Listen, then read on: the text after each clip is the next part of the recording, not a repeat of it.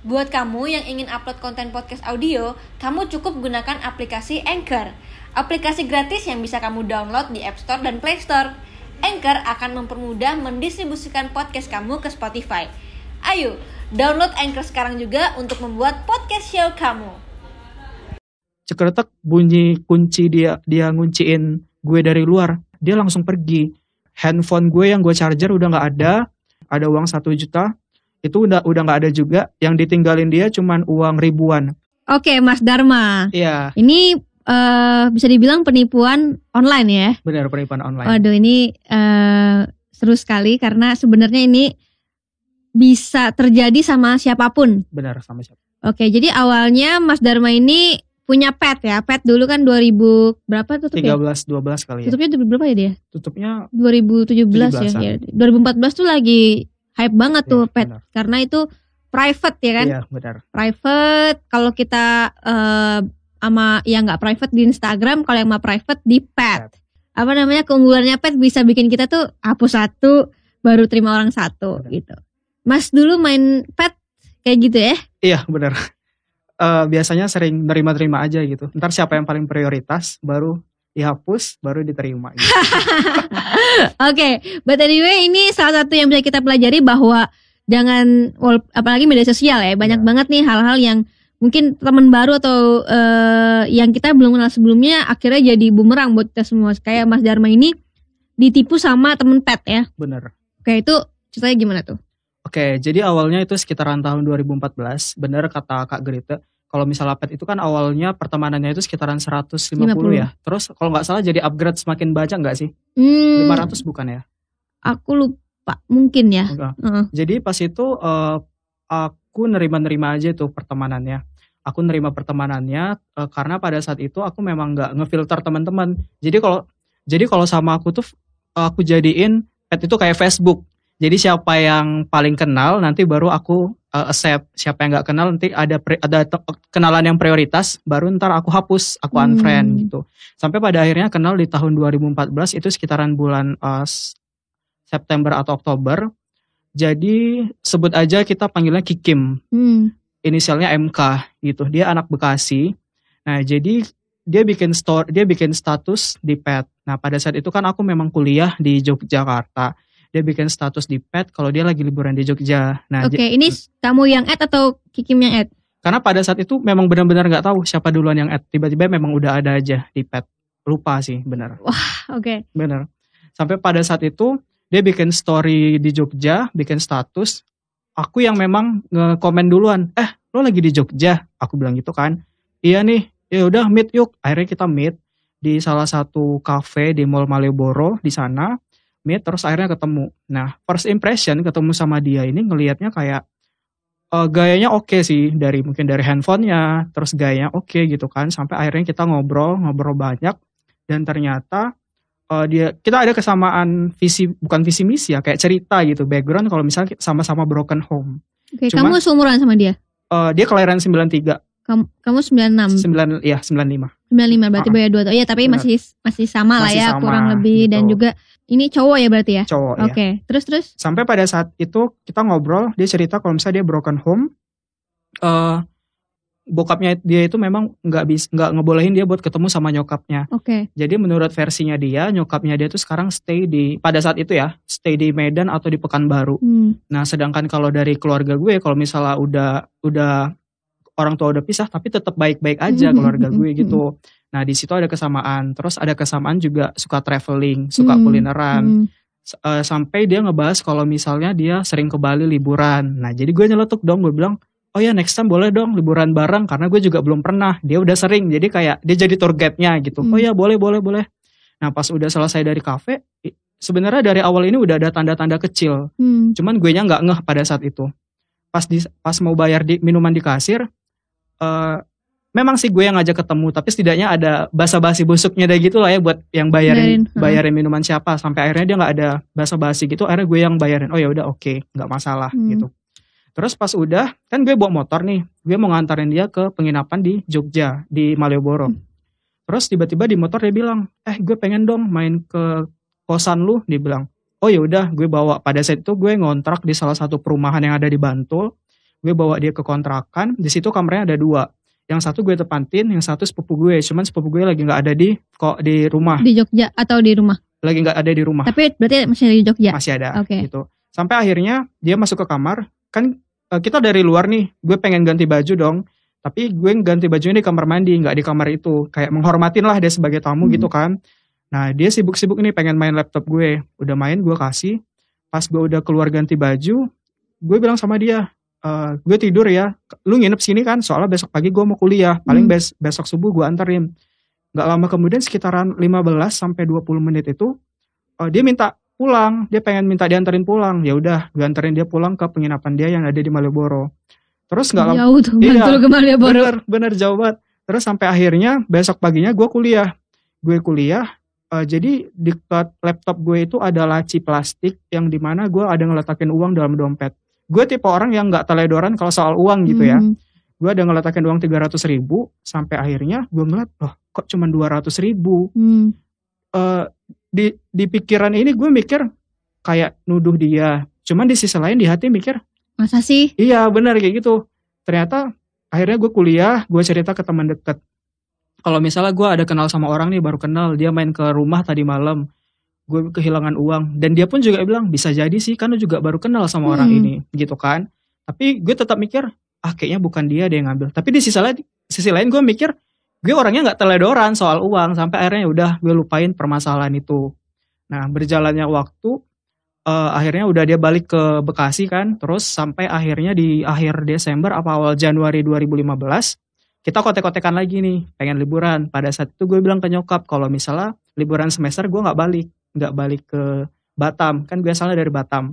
Terus udah gitu eh, kita rencananya mau liburannya itu di awal Februari 2015 sampai pada akhirnya dimajuin sama dia di akhir Januari 2015. Alasannya kenapa?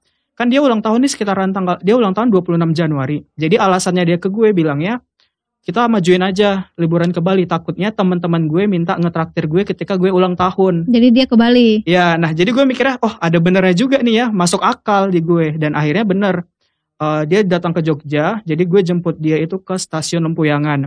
Nah di sini kan gue pakai dua handphone, gue pakai dua handphone, yang satu handphone eh, handphone buat internetan, yang satu lagi handphone yang center doang, yang Hmm. cuma bisa buat telepon. Gue bilang sama dia, kalau misalnya antar pending, lu telepon aja. Sebenarnya ini udah tanda-tanda kecil yang masih gue nggak ngeh ke depannya. Lu telepon aja gue ke handphone gue yang kecil ini.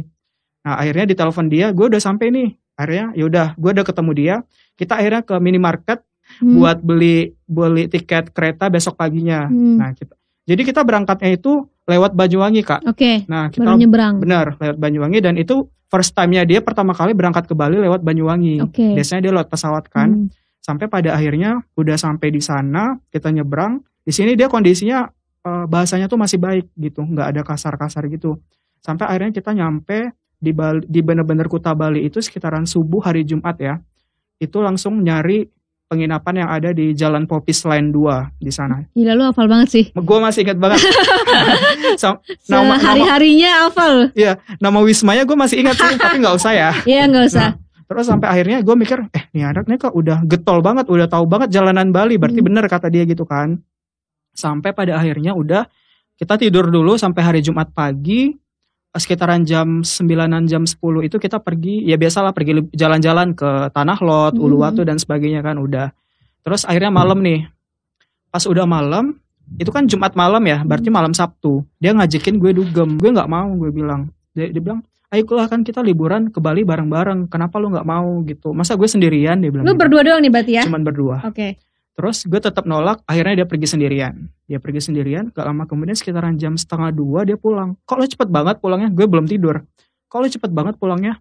Iya soalnya musiknya nggak asik. Besok paginya hari Sabtu uh, kita seperti biasa jalan-jalan lagi. Terus akhirnya ketemu berarti malam minggu ya. Ketemu malam minggu. Dia pergi lagi nih. Dia ngajakin gue lagi nih. Kita masuk yuk dugem. Gue bilang nggak, gue nggak mau. Gue bilang gitu kan. Karena nggak berani juga anjir. Hmm. Maksudnya di Masih Bali, muda. iya di Bali juga gitu kan. Terus akhirnya dia maksa-maksa, ya udah akhirnya gue mau.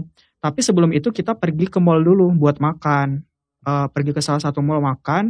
Jadi ceritanya kita sewa motor di sana. Hmm. Nah, pas udah selesai dari mall itu makan, mau ke tempat tempat dugem itu, tiba-tiba hujan. Hmm. Hujan, basah kuyup, akhirnya gue bilang balik aja yuk balik nih balik ke penginapan. Pas udah balik gue udah ganti baju kayak baju buat istirahat lah di dalam penginapan. Dia enggak dia ganti baju lain buat tetap Kedugem. pengen ke sana. Dia tetap ngajakin gue lagi dan gue tetap nggak mau.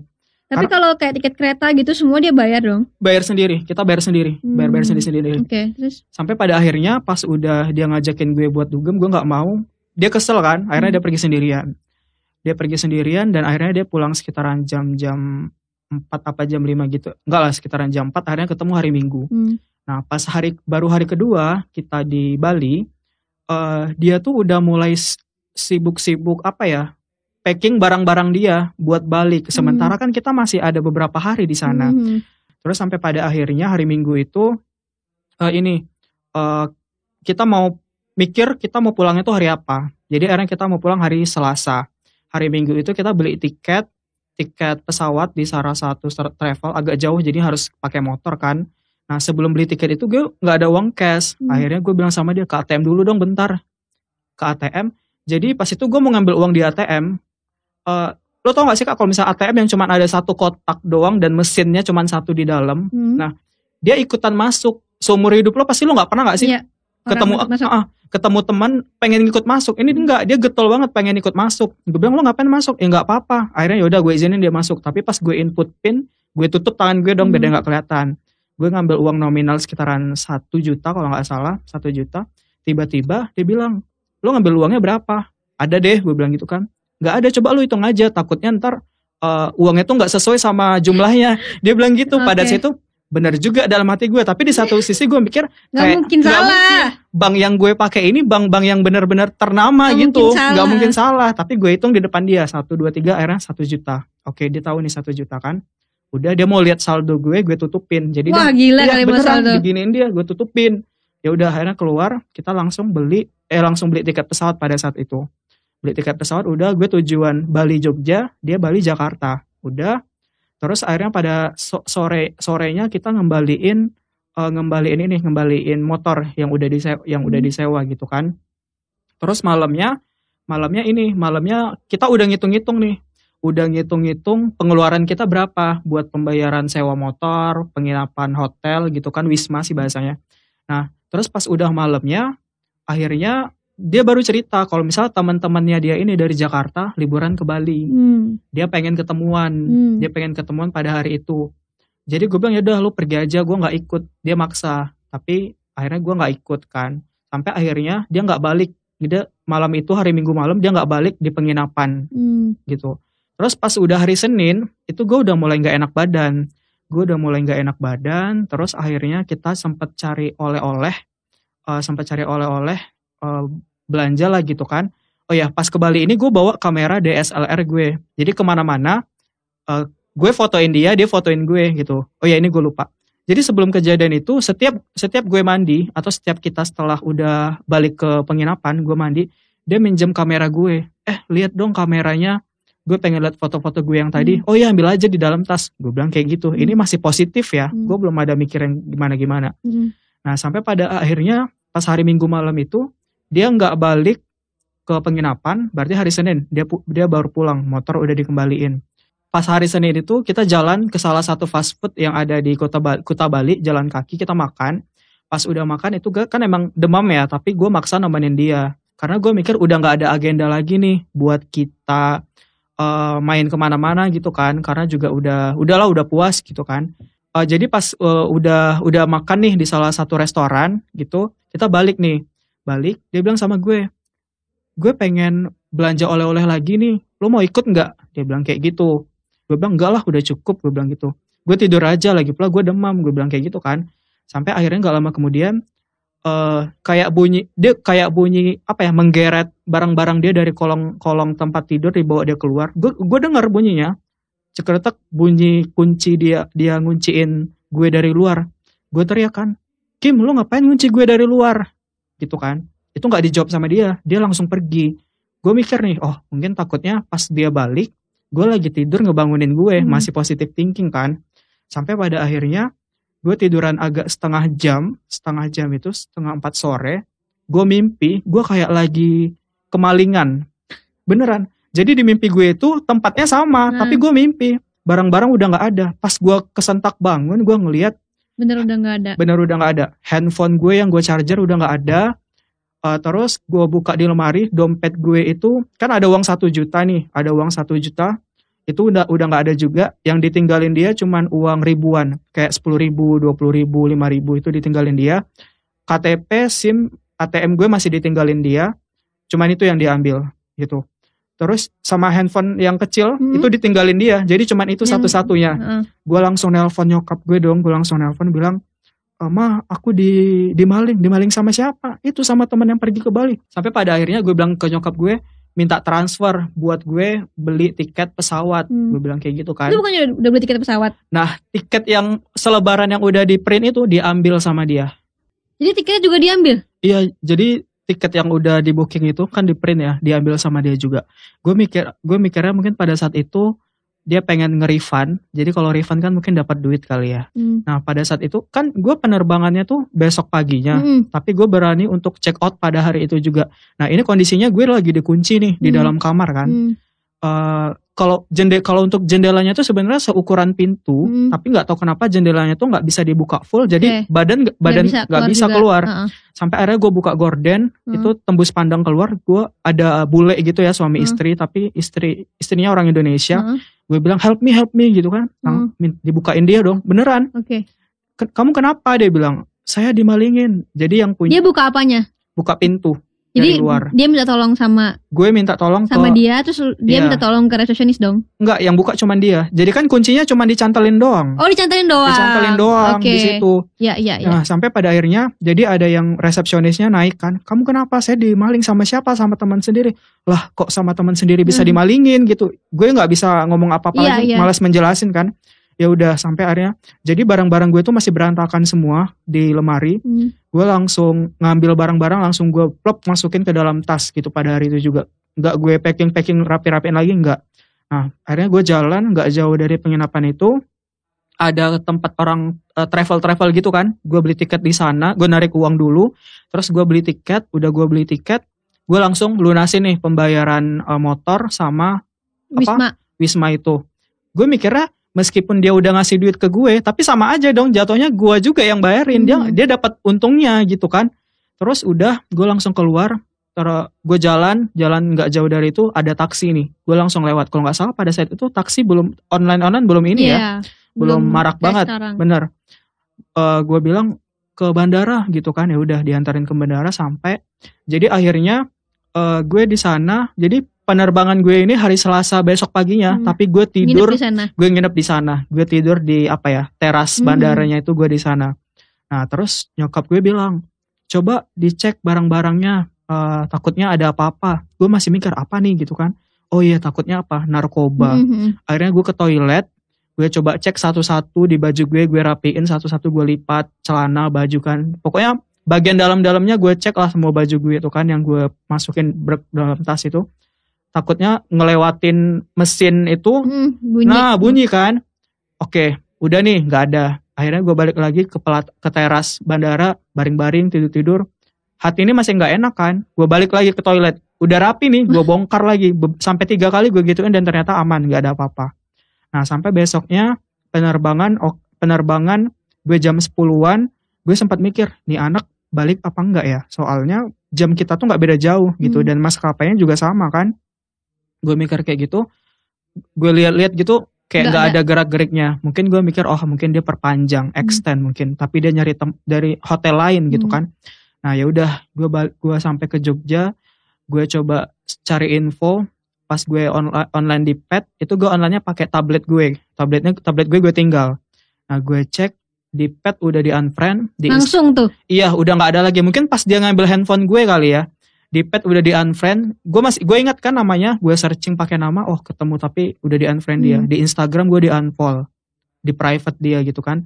Sampai akhirnya gue coba bikin akun akun fake. Gue ngecek. Oh ternyata dia sempat mirror selfie dong di Hmm. depan di depan kaca eh, hotel yang dia baru tempatin Iya. itu. Dia mirror selfie dan ternyata itu handphone gue. Oh. Gue sa- gue yakin itu handphone gue. Soalnya pas pergi sama dia dia nggak pakai handphone iya, iya. itu. Berarti lu punya akun fake itu follow dia dan diterima. Diterima. Diterima dia. Oke. gitu. Nah kalau misalnya Kak Gerita nanya ini, kan gue bawa mikir kan gue bawa kamera DSLR, Hmm. kameranya aman-aman aja. Kenapa bisa aman? Karena kamera itu gue masukin dalam ransel, yang di mana dalam ransel itu banyak kantong kresek oleh-oleh. Hmm. Jadi jadi gue nangkep, oh dia nggak berani ngambil, kenapa? Takutnya pas dia ngambil, gue sadar bakalan Heboh bunyi. ya, Hah, bunyi. bener. Jadi pas tidur bener-bener dia ambil semua tuh ya. bener ambil Pas semua. lu tidur ya. Bener, diambil dia semua, handphone, charger udah nggak ada, tiket pesawat sama uang tunai sekitaran satu juta lebih. Terus Gitu. lu gimana tuh setelah itu? Ternyata korbannya itu bukan gue aja. Tahu dari mana? Gue searching di Facebook pakai Hmm. nama dia. Jadi ada ada ada beberapa akun yang nge-spill dia kalau misalnya barang-barangnya juga diambil. Kayak ketemu entah dari ketemu dari dari Facebook atau kenal dari pet kayaknya nggak ada sih. Hmm. Dari Facebook yang barangnya dia eh, handphonenya diambil, uangnya diambil kayak gitu. Oh lu lihat akhirnya banyak. banyak. Jadi ternyata tahun itu sebelum gue jadi jadi korban, se- se- sebelum gue ini ada lagi korbannya gitu. Oke. Mm-mm. Terus udah lima tahun, tujuh tahun berlalu. Nah, jadi pas kejadian itu ya, pas pada saat itu pas gue udah balik ke Jogja, gue coba dong ngelihat foto-foto yang ada di dalam kamera DSLR. Hmm. Itu nggak ada satupun foto wajahnya dia. Udah dihapus dia, dia cuma ninggalin foto yang ada wajahnya gue. Pas gue lagi mandi, Oh, pas. nah dia minjem. Oh, oke. Nah, Terus juga di handphone kecil itu, gue mau ngelacak nih nomor handphonenya kan. Karena dia pernah apa, tanda-tanda kecilnya dari awal dia pernah nelpon gue pas gue jemput dia di stasiun Lempuyangan. Hmm. Nah, Gue ngecek di situ juga udah dihapus sama dia, kontak nomornya. Jadi gue nggak bisa ngehubungin dia. Jadi makanya pada saat itu gue bikin akun fake, gue follownya di follow dia di ACC dia. Jadi gue langsung, pokoknya foto-foto itu gue save yang ada handphone gue gitu kan. Gue save sebagai barang bukti. Tapi kalau ditanya kenapa lu kemarin pas di Bali nggak ngelapor ke polisi karena gue mikirnya pada saat itu takut ribet ya ribet pasti kronologinya bakalan lama dan takutnya pada saat itu gue dicegat buat pulang ke Jogja buat ngasih laporan gitu kan makanya gue sengaja nggak ngelapor ke polisi gitu nah untuk jadi ya udah pas akhirnya gue dapat info-info dari informan gitu dari atau teman dekatnya dia ternyata ada teman dekatnya dia pernah jadi korban. Lu nyari itu berarti. gue nyari gitu. Dan gue ada sempat bikin akun untuk mengumpulkan korban-korban ini kronologisnya gimana aja. Jadi dia pernah dia pernah curi handphone di salah satu mall sama apa ya kayak teman-temannya gitu temannya ini tinggal ke toilet tahu-tahu handphonenya udah nggak ada. Pas dicek di CCTV dia ngambil. Dia juga pernah dilabrak oleh korbannya eh, di rumahnya dilabrak dan dia posisinya diem aja gitu kayak orang bego. Pas dibilang kamu jangan ngulangin lagi ya gini. Dia diem aja kayak kayak orang bego kayak orang linglung gitu. Laptop kali. nah itu dia dia gue nggak tahu juga ya klepto apa gimana gitu takutnya dengan dia tuh kayak mencari pembenaran dengan kata-kata klepto gitu. Padahal memang ya udah lu ada kesempatan gue nyuri gue nyuri gitu. Oke, nah temen deketnya sendiri yang lu udah kenal itu gimana ngomongnya? Eh, dia bilang iya dia tuh dari dulu memang kayak gitu suka nyuri-nyuri. Gue pun juga ada pernah jadi korban yang katanya ngambil laptop lah ngambil handphone ngambil uang kayak gitu. Sebenarnya dua tahun belakangan ini gue kayak udah udah males ya ngurusin itu karena ya udahlah udah lama juga. Tapi lu ngurusin itu dari 2012 sampai 2020. Kadang gue kan ada akunnya nih akun yang mengumpulkan para korban. Kadang kalau lagi iseng gue cari siapa korbannya gitu. Wow. beneran. Terus pas udah gitu akhirnya gue udah males nih kan. Pas eh, dua tahun belakangan ini paling kalau lagi ini gue cek aja ada nggak korban lagi gini kan. Karena gue mikir mana tahu ada korban yang benar-benar kesel dia dilaporin polisi. Nah menurut informasi yang gue dapat dia ini sekarang dia ini eh, sekarang kondisinya kayak pincang gitu karena dia dulu pernah dirawat di rumah sakit. Gue ada fotonya dia lagi dirawat kayak dia apa ya oksigen kayak pakai plastik gitu. Katanya dia kena paru-paru atau saraf. Hmm. jadi yang menyebabkan dia sekarang kalau jalan tuh pincang. Hmm. gitu. Itu ini dari temannya dia gue belum pernah ngeliat lagi secara langsung gitu kan. Nah sampai akhirnya di bulan Januari kemarin gue iseng nih buka akun yang buat gue ngumpulin si para korban-korban ini. Pas gue cek di DM ada yang ini kamu kenal sama si ini nggak? Oh iya eh, gue pernah jadi korban gue bilang oh jadi dia kemarin ke Bali Hmm. dia kemarin ke Bali dia eh, melakukan jasa penyewaan handphone dia dia melakukan pinjam pinjam apa penye, jasa penyewaan iPhone di Bali dia pinjam gitu dia pinjam dibawa kabur sama dia Hmm. dibawa kabur sama dia jadi si si ownernya mungkin ya yang punya jasa penyewaan ini nge DM gue Hmm. Oh ya emang beneran? Dikirim dong bukti-buktinya. Dia Hmm. kayak megang megang apa ya, kayak megang paper bag salah satu itu. Dan akhirnya mungkin si ownernya ini ada kenalan kepolisian atau orang kereta api kali ya. Hmm. akhirnya si Ki Kim ini dicegat di kereta buat dikembaliin handphonenya dikembaliin dan dia bikin surat pernyataan. Dan surat pernyataannya tuh ada gua ada fotonya ada fotonya surat pernyataan ditanda tangan dengan dia mengaku kalau misalnya dia beneran membawa kabur handphone ini Tapi kan kalau iPhone tuh sebenarnya bisa dilacak di mana? Iya bisa dilacak. Jadi benar yang pas yang pas dia bawa kabur handphone itu dilacak, Mhm. beneran dilacak. Kondisi terakhirnya ada di sini. Dia arah itu pas itu dia mau ke Bandung. Lu nggak ngelacak waktu itu? Gue nggak ngelacak karena nggak kepikiran juga pada saat itu ya. Oke, tapi dia sekarang udah bebas aja, nggak diapain. Dia nggak diapa-apain, dilepasin karena banyak korban. Cuman paling ketemu nih kayak ngelabrak dia udah nggak dilaporin. Gue pernah ini dari informannya dia ya. Gue juga nggak tahu beneran apa nggak. Jadi kemarin dibilang kalau misalnya dia tuh sempat masuk penjara beberapa bulan tapi keluar gitu. Jadi kayak nggak ada rasa kapok sama jerahnya dan sampai saat ini pun dia masih berkeliaran Dan masih melakukan. dan masih melakukan. Oke, kira-kira Dan- dari ya. korban udah berapa korban yang lu kumpulin? eh yang gue tahu ya kurang lebih kayaknya 10 ada kali. Itu yang yang gue tahu, tapi nggak tahu kalau yang misalnya memang nggak ada nggak ada nge-share di Twitter atau di Facebook Mhm. gitu. Semua yang dipakai dia itu ternyata hasil curian. Ini sebenarnya gitu. mirip sama film dokumenternya Tinder Swin, Tinder Swindler ya. Iya, benar. Cuman ini eh, masih taraf ecek-ecek ya. Iya. Kalau itu taraf luar biasa. Bener. Lu nonton itu gimana kemarin? Tinder Swindler. Anjir nih gue banget ya. belum nonton sih Oh, sebenarnya. belum Cuman nonton. udah sempat banyak yang bilang-bilang, oh ini filmnya gini gitu gitu Hmm. sih. Dia bilang, oh iya, kok kayak mirip-mirip ya. nonton dah itu mirip banget. Ntar gue nonton. Gitu. Tapi mungkin ini eh, pelajaran juga supaya kita lebih aware aja sama orang-orang gitu kan. Karena eh, media sosial kan eh, apa ya kita harus pintar-pintar juga buat pilih-pilih teman di sana karena nggak Iya. semuanya baik juga sama Hmm. kayak teman-teman kita di sekitar juga sebenarnya nggak semuanya Iya. baik juga kan. Bener. Dan dia kemarin sempat nge apa ya nge ngecek akun Instagram gue gitu kan. Dia ngecek Instagram gue, jadi dia kirim ke temannya nih. Tuh orang yang yang udah sebar-sebar aib gue, dia bilang gitu, dia bilang aib. Ya itu kan memang Temennya nggak lapor ke lu? Iya temannya infor, informan itu ngelapor ke gue gitu kan. Tuh terus dia bilang nih ke temannya yang ini informan gue nih. Percuma lo aib aib apa kelakuan gue. Toh satu keluarga gue RT RW tetangga gue juga udah tahu kok kelakuan gue. Dibilang kayak gitu. Hmm. Jadi udah pada tahu semuanya gitu. Oke. Oke ya, semoga dengan video ini atau juga eh, apa yang ngelakuin bisa berguna juga ya buat orang-orang supaya Benar. bisa stop rantainya juga Iya, dan benar. mungkin ini juga pelajaran supaya kita jangan terlalu percaya sama orang, bener-bener di- dikenain dulu orangnya baru kita bisa eh, liburan bareng ya. Iya. Oke, thank you Thank you, Dharma for sharing. Semoga sehat-sehat selalu. Ya amin. Thank you juga kak. Nonton sampai habis ya. Makasih ya. Jangan lupa follow Instagram aku di sini dan nonton video lainnya di sini.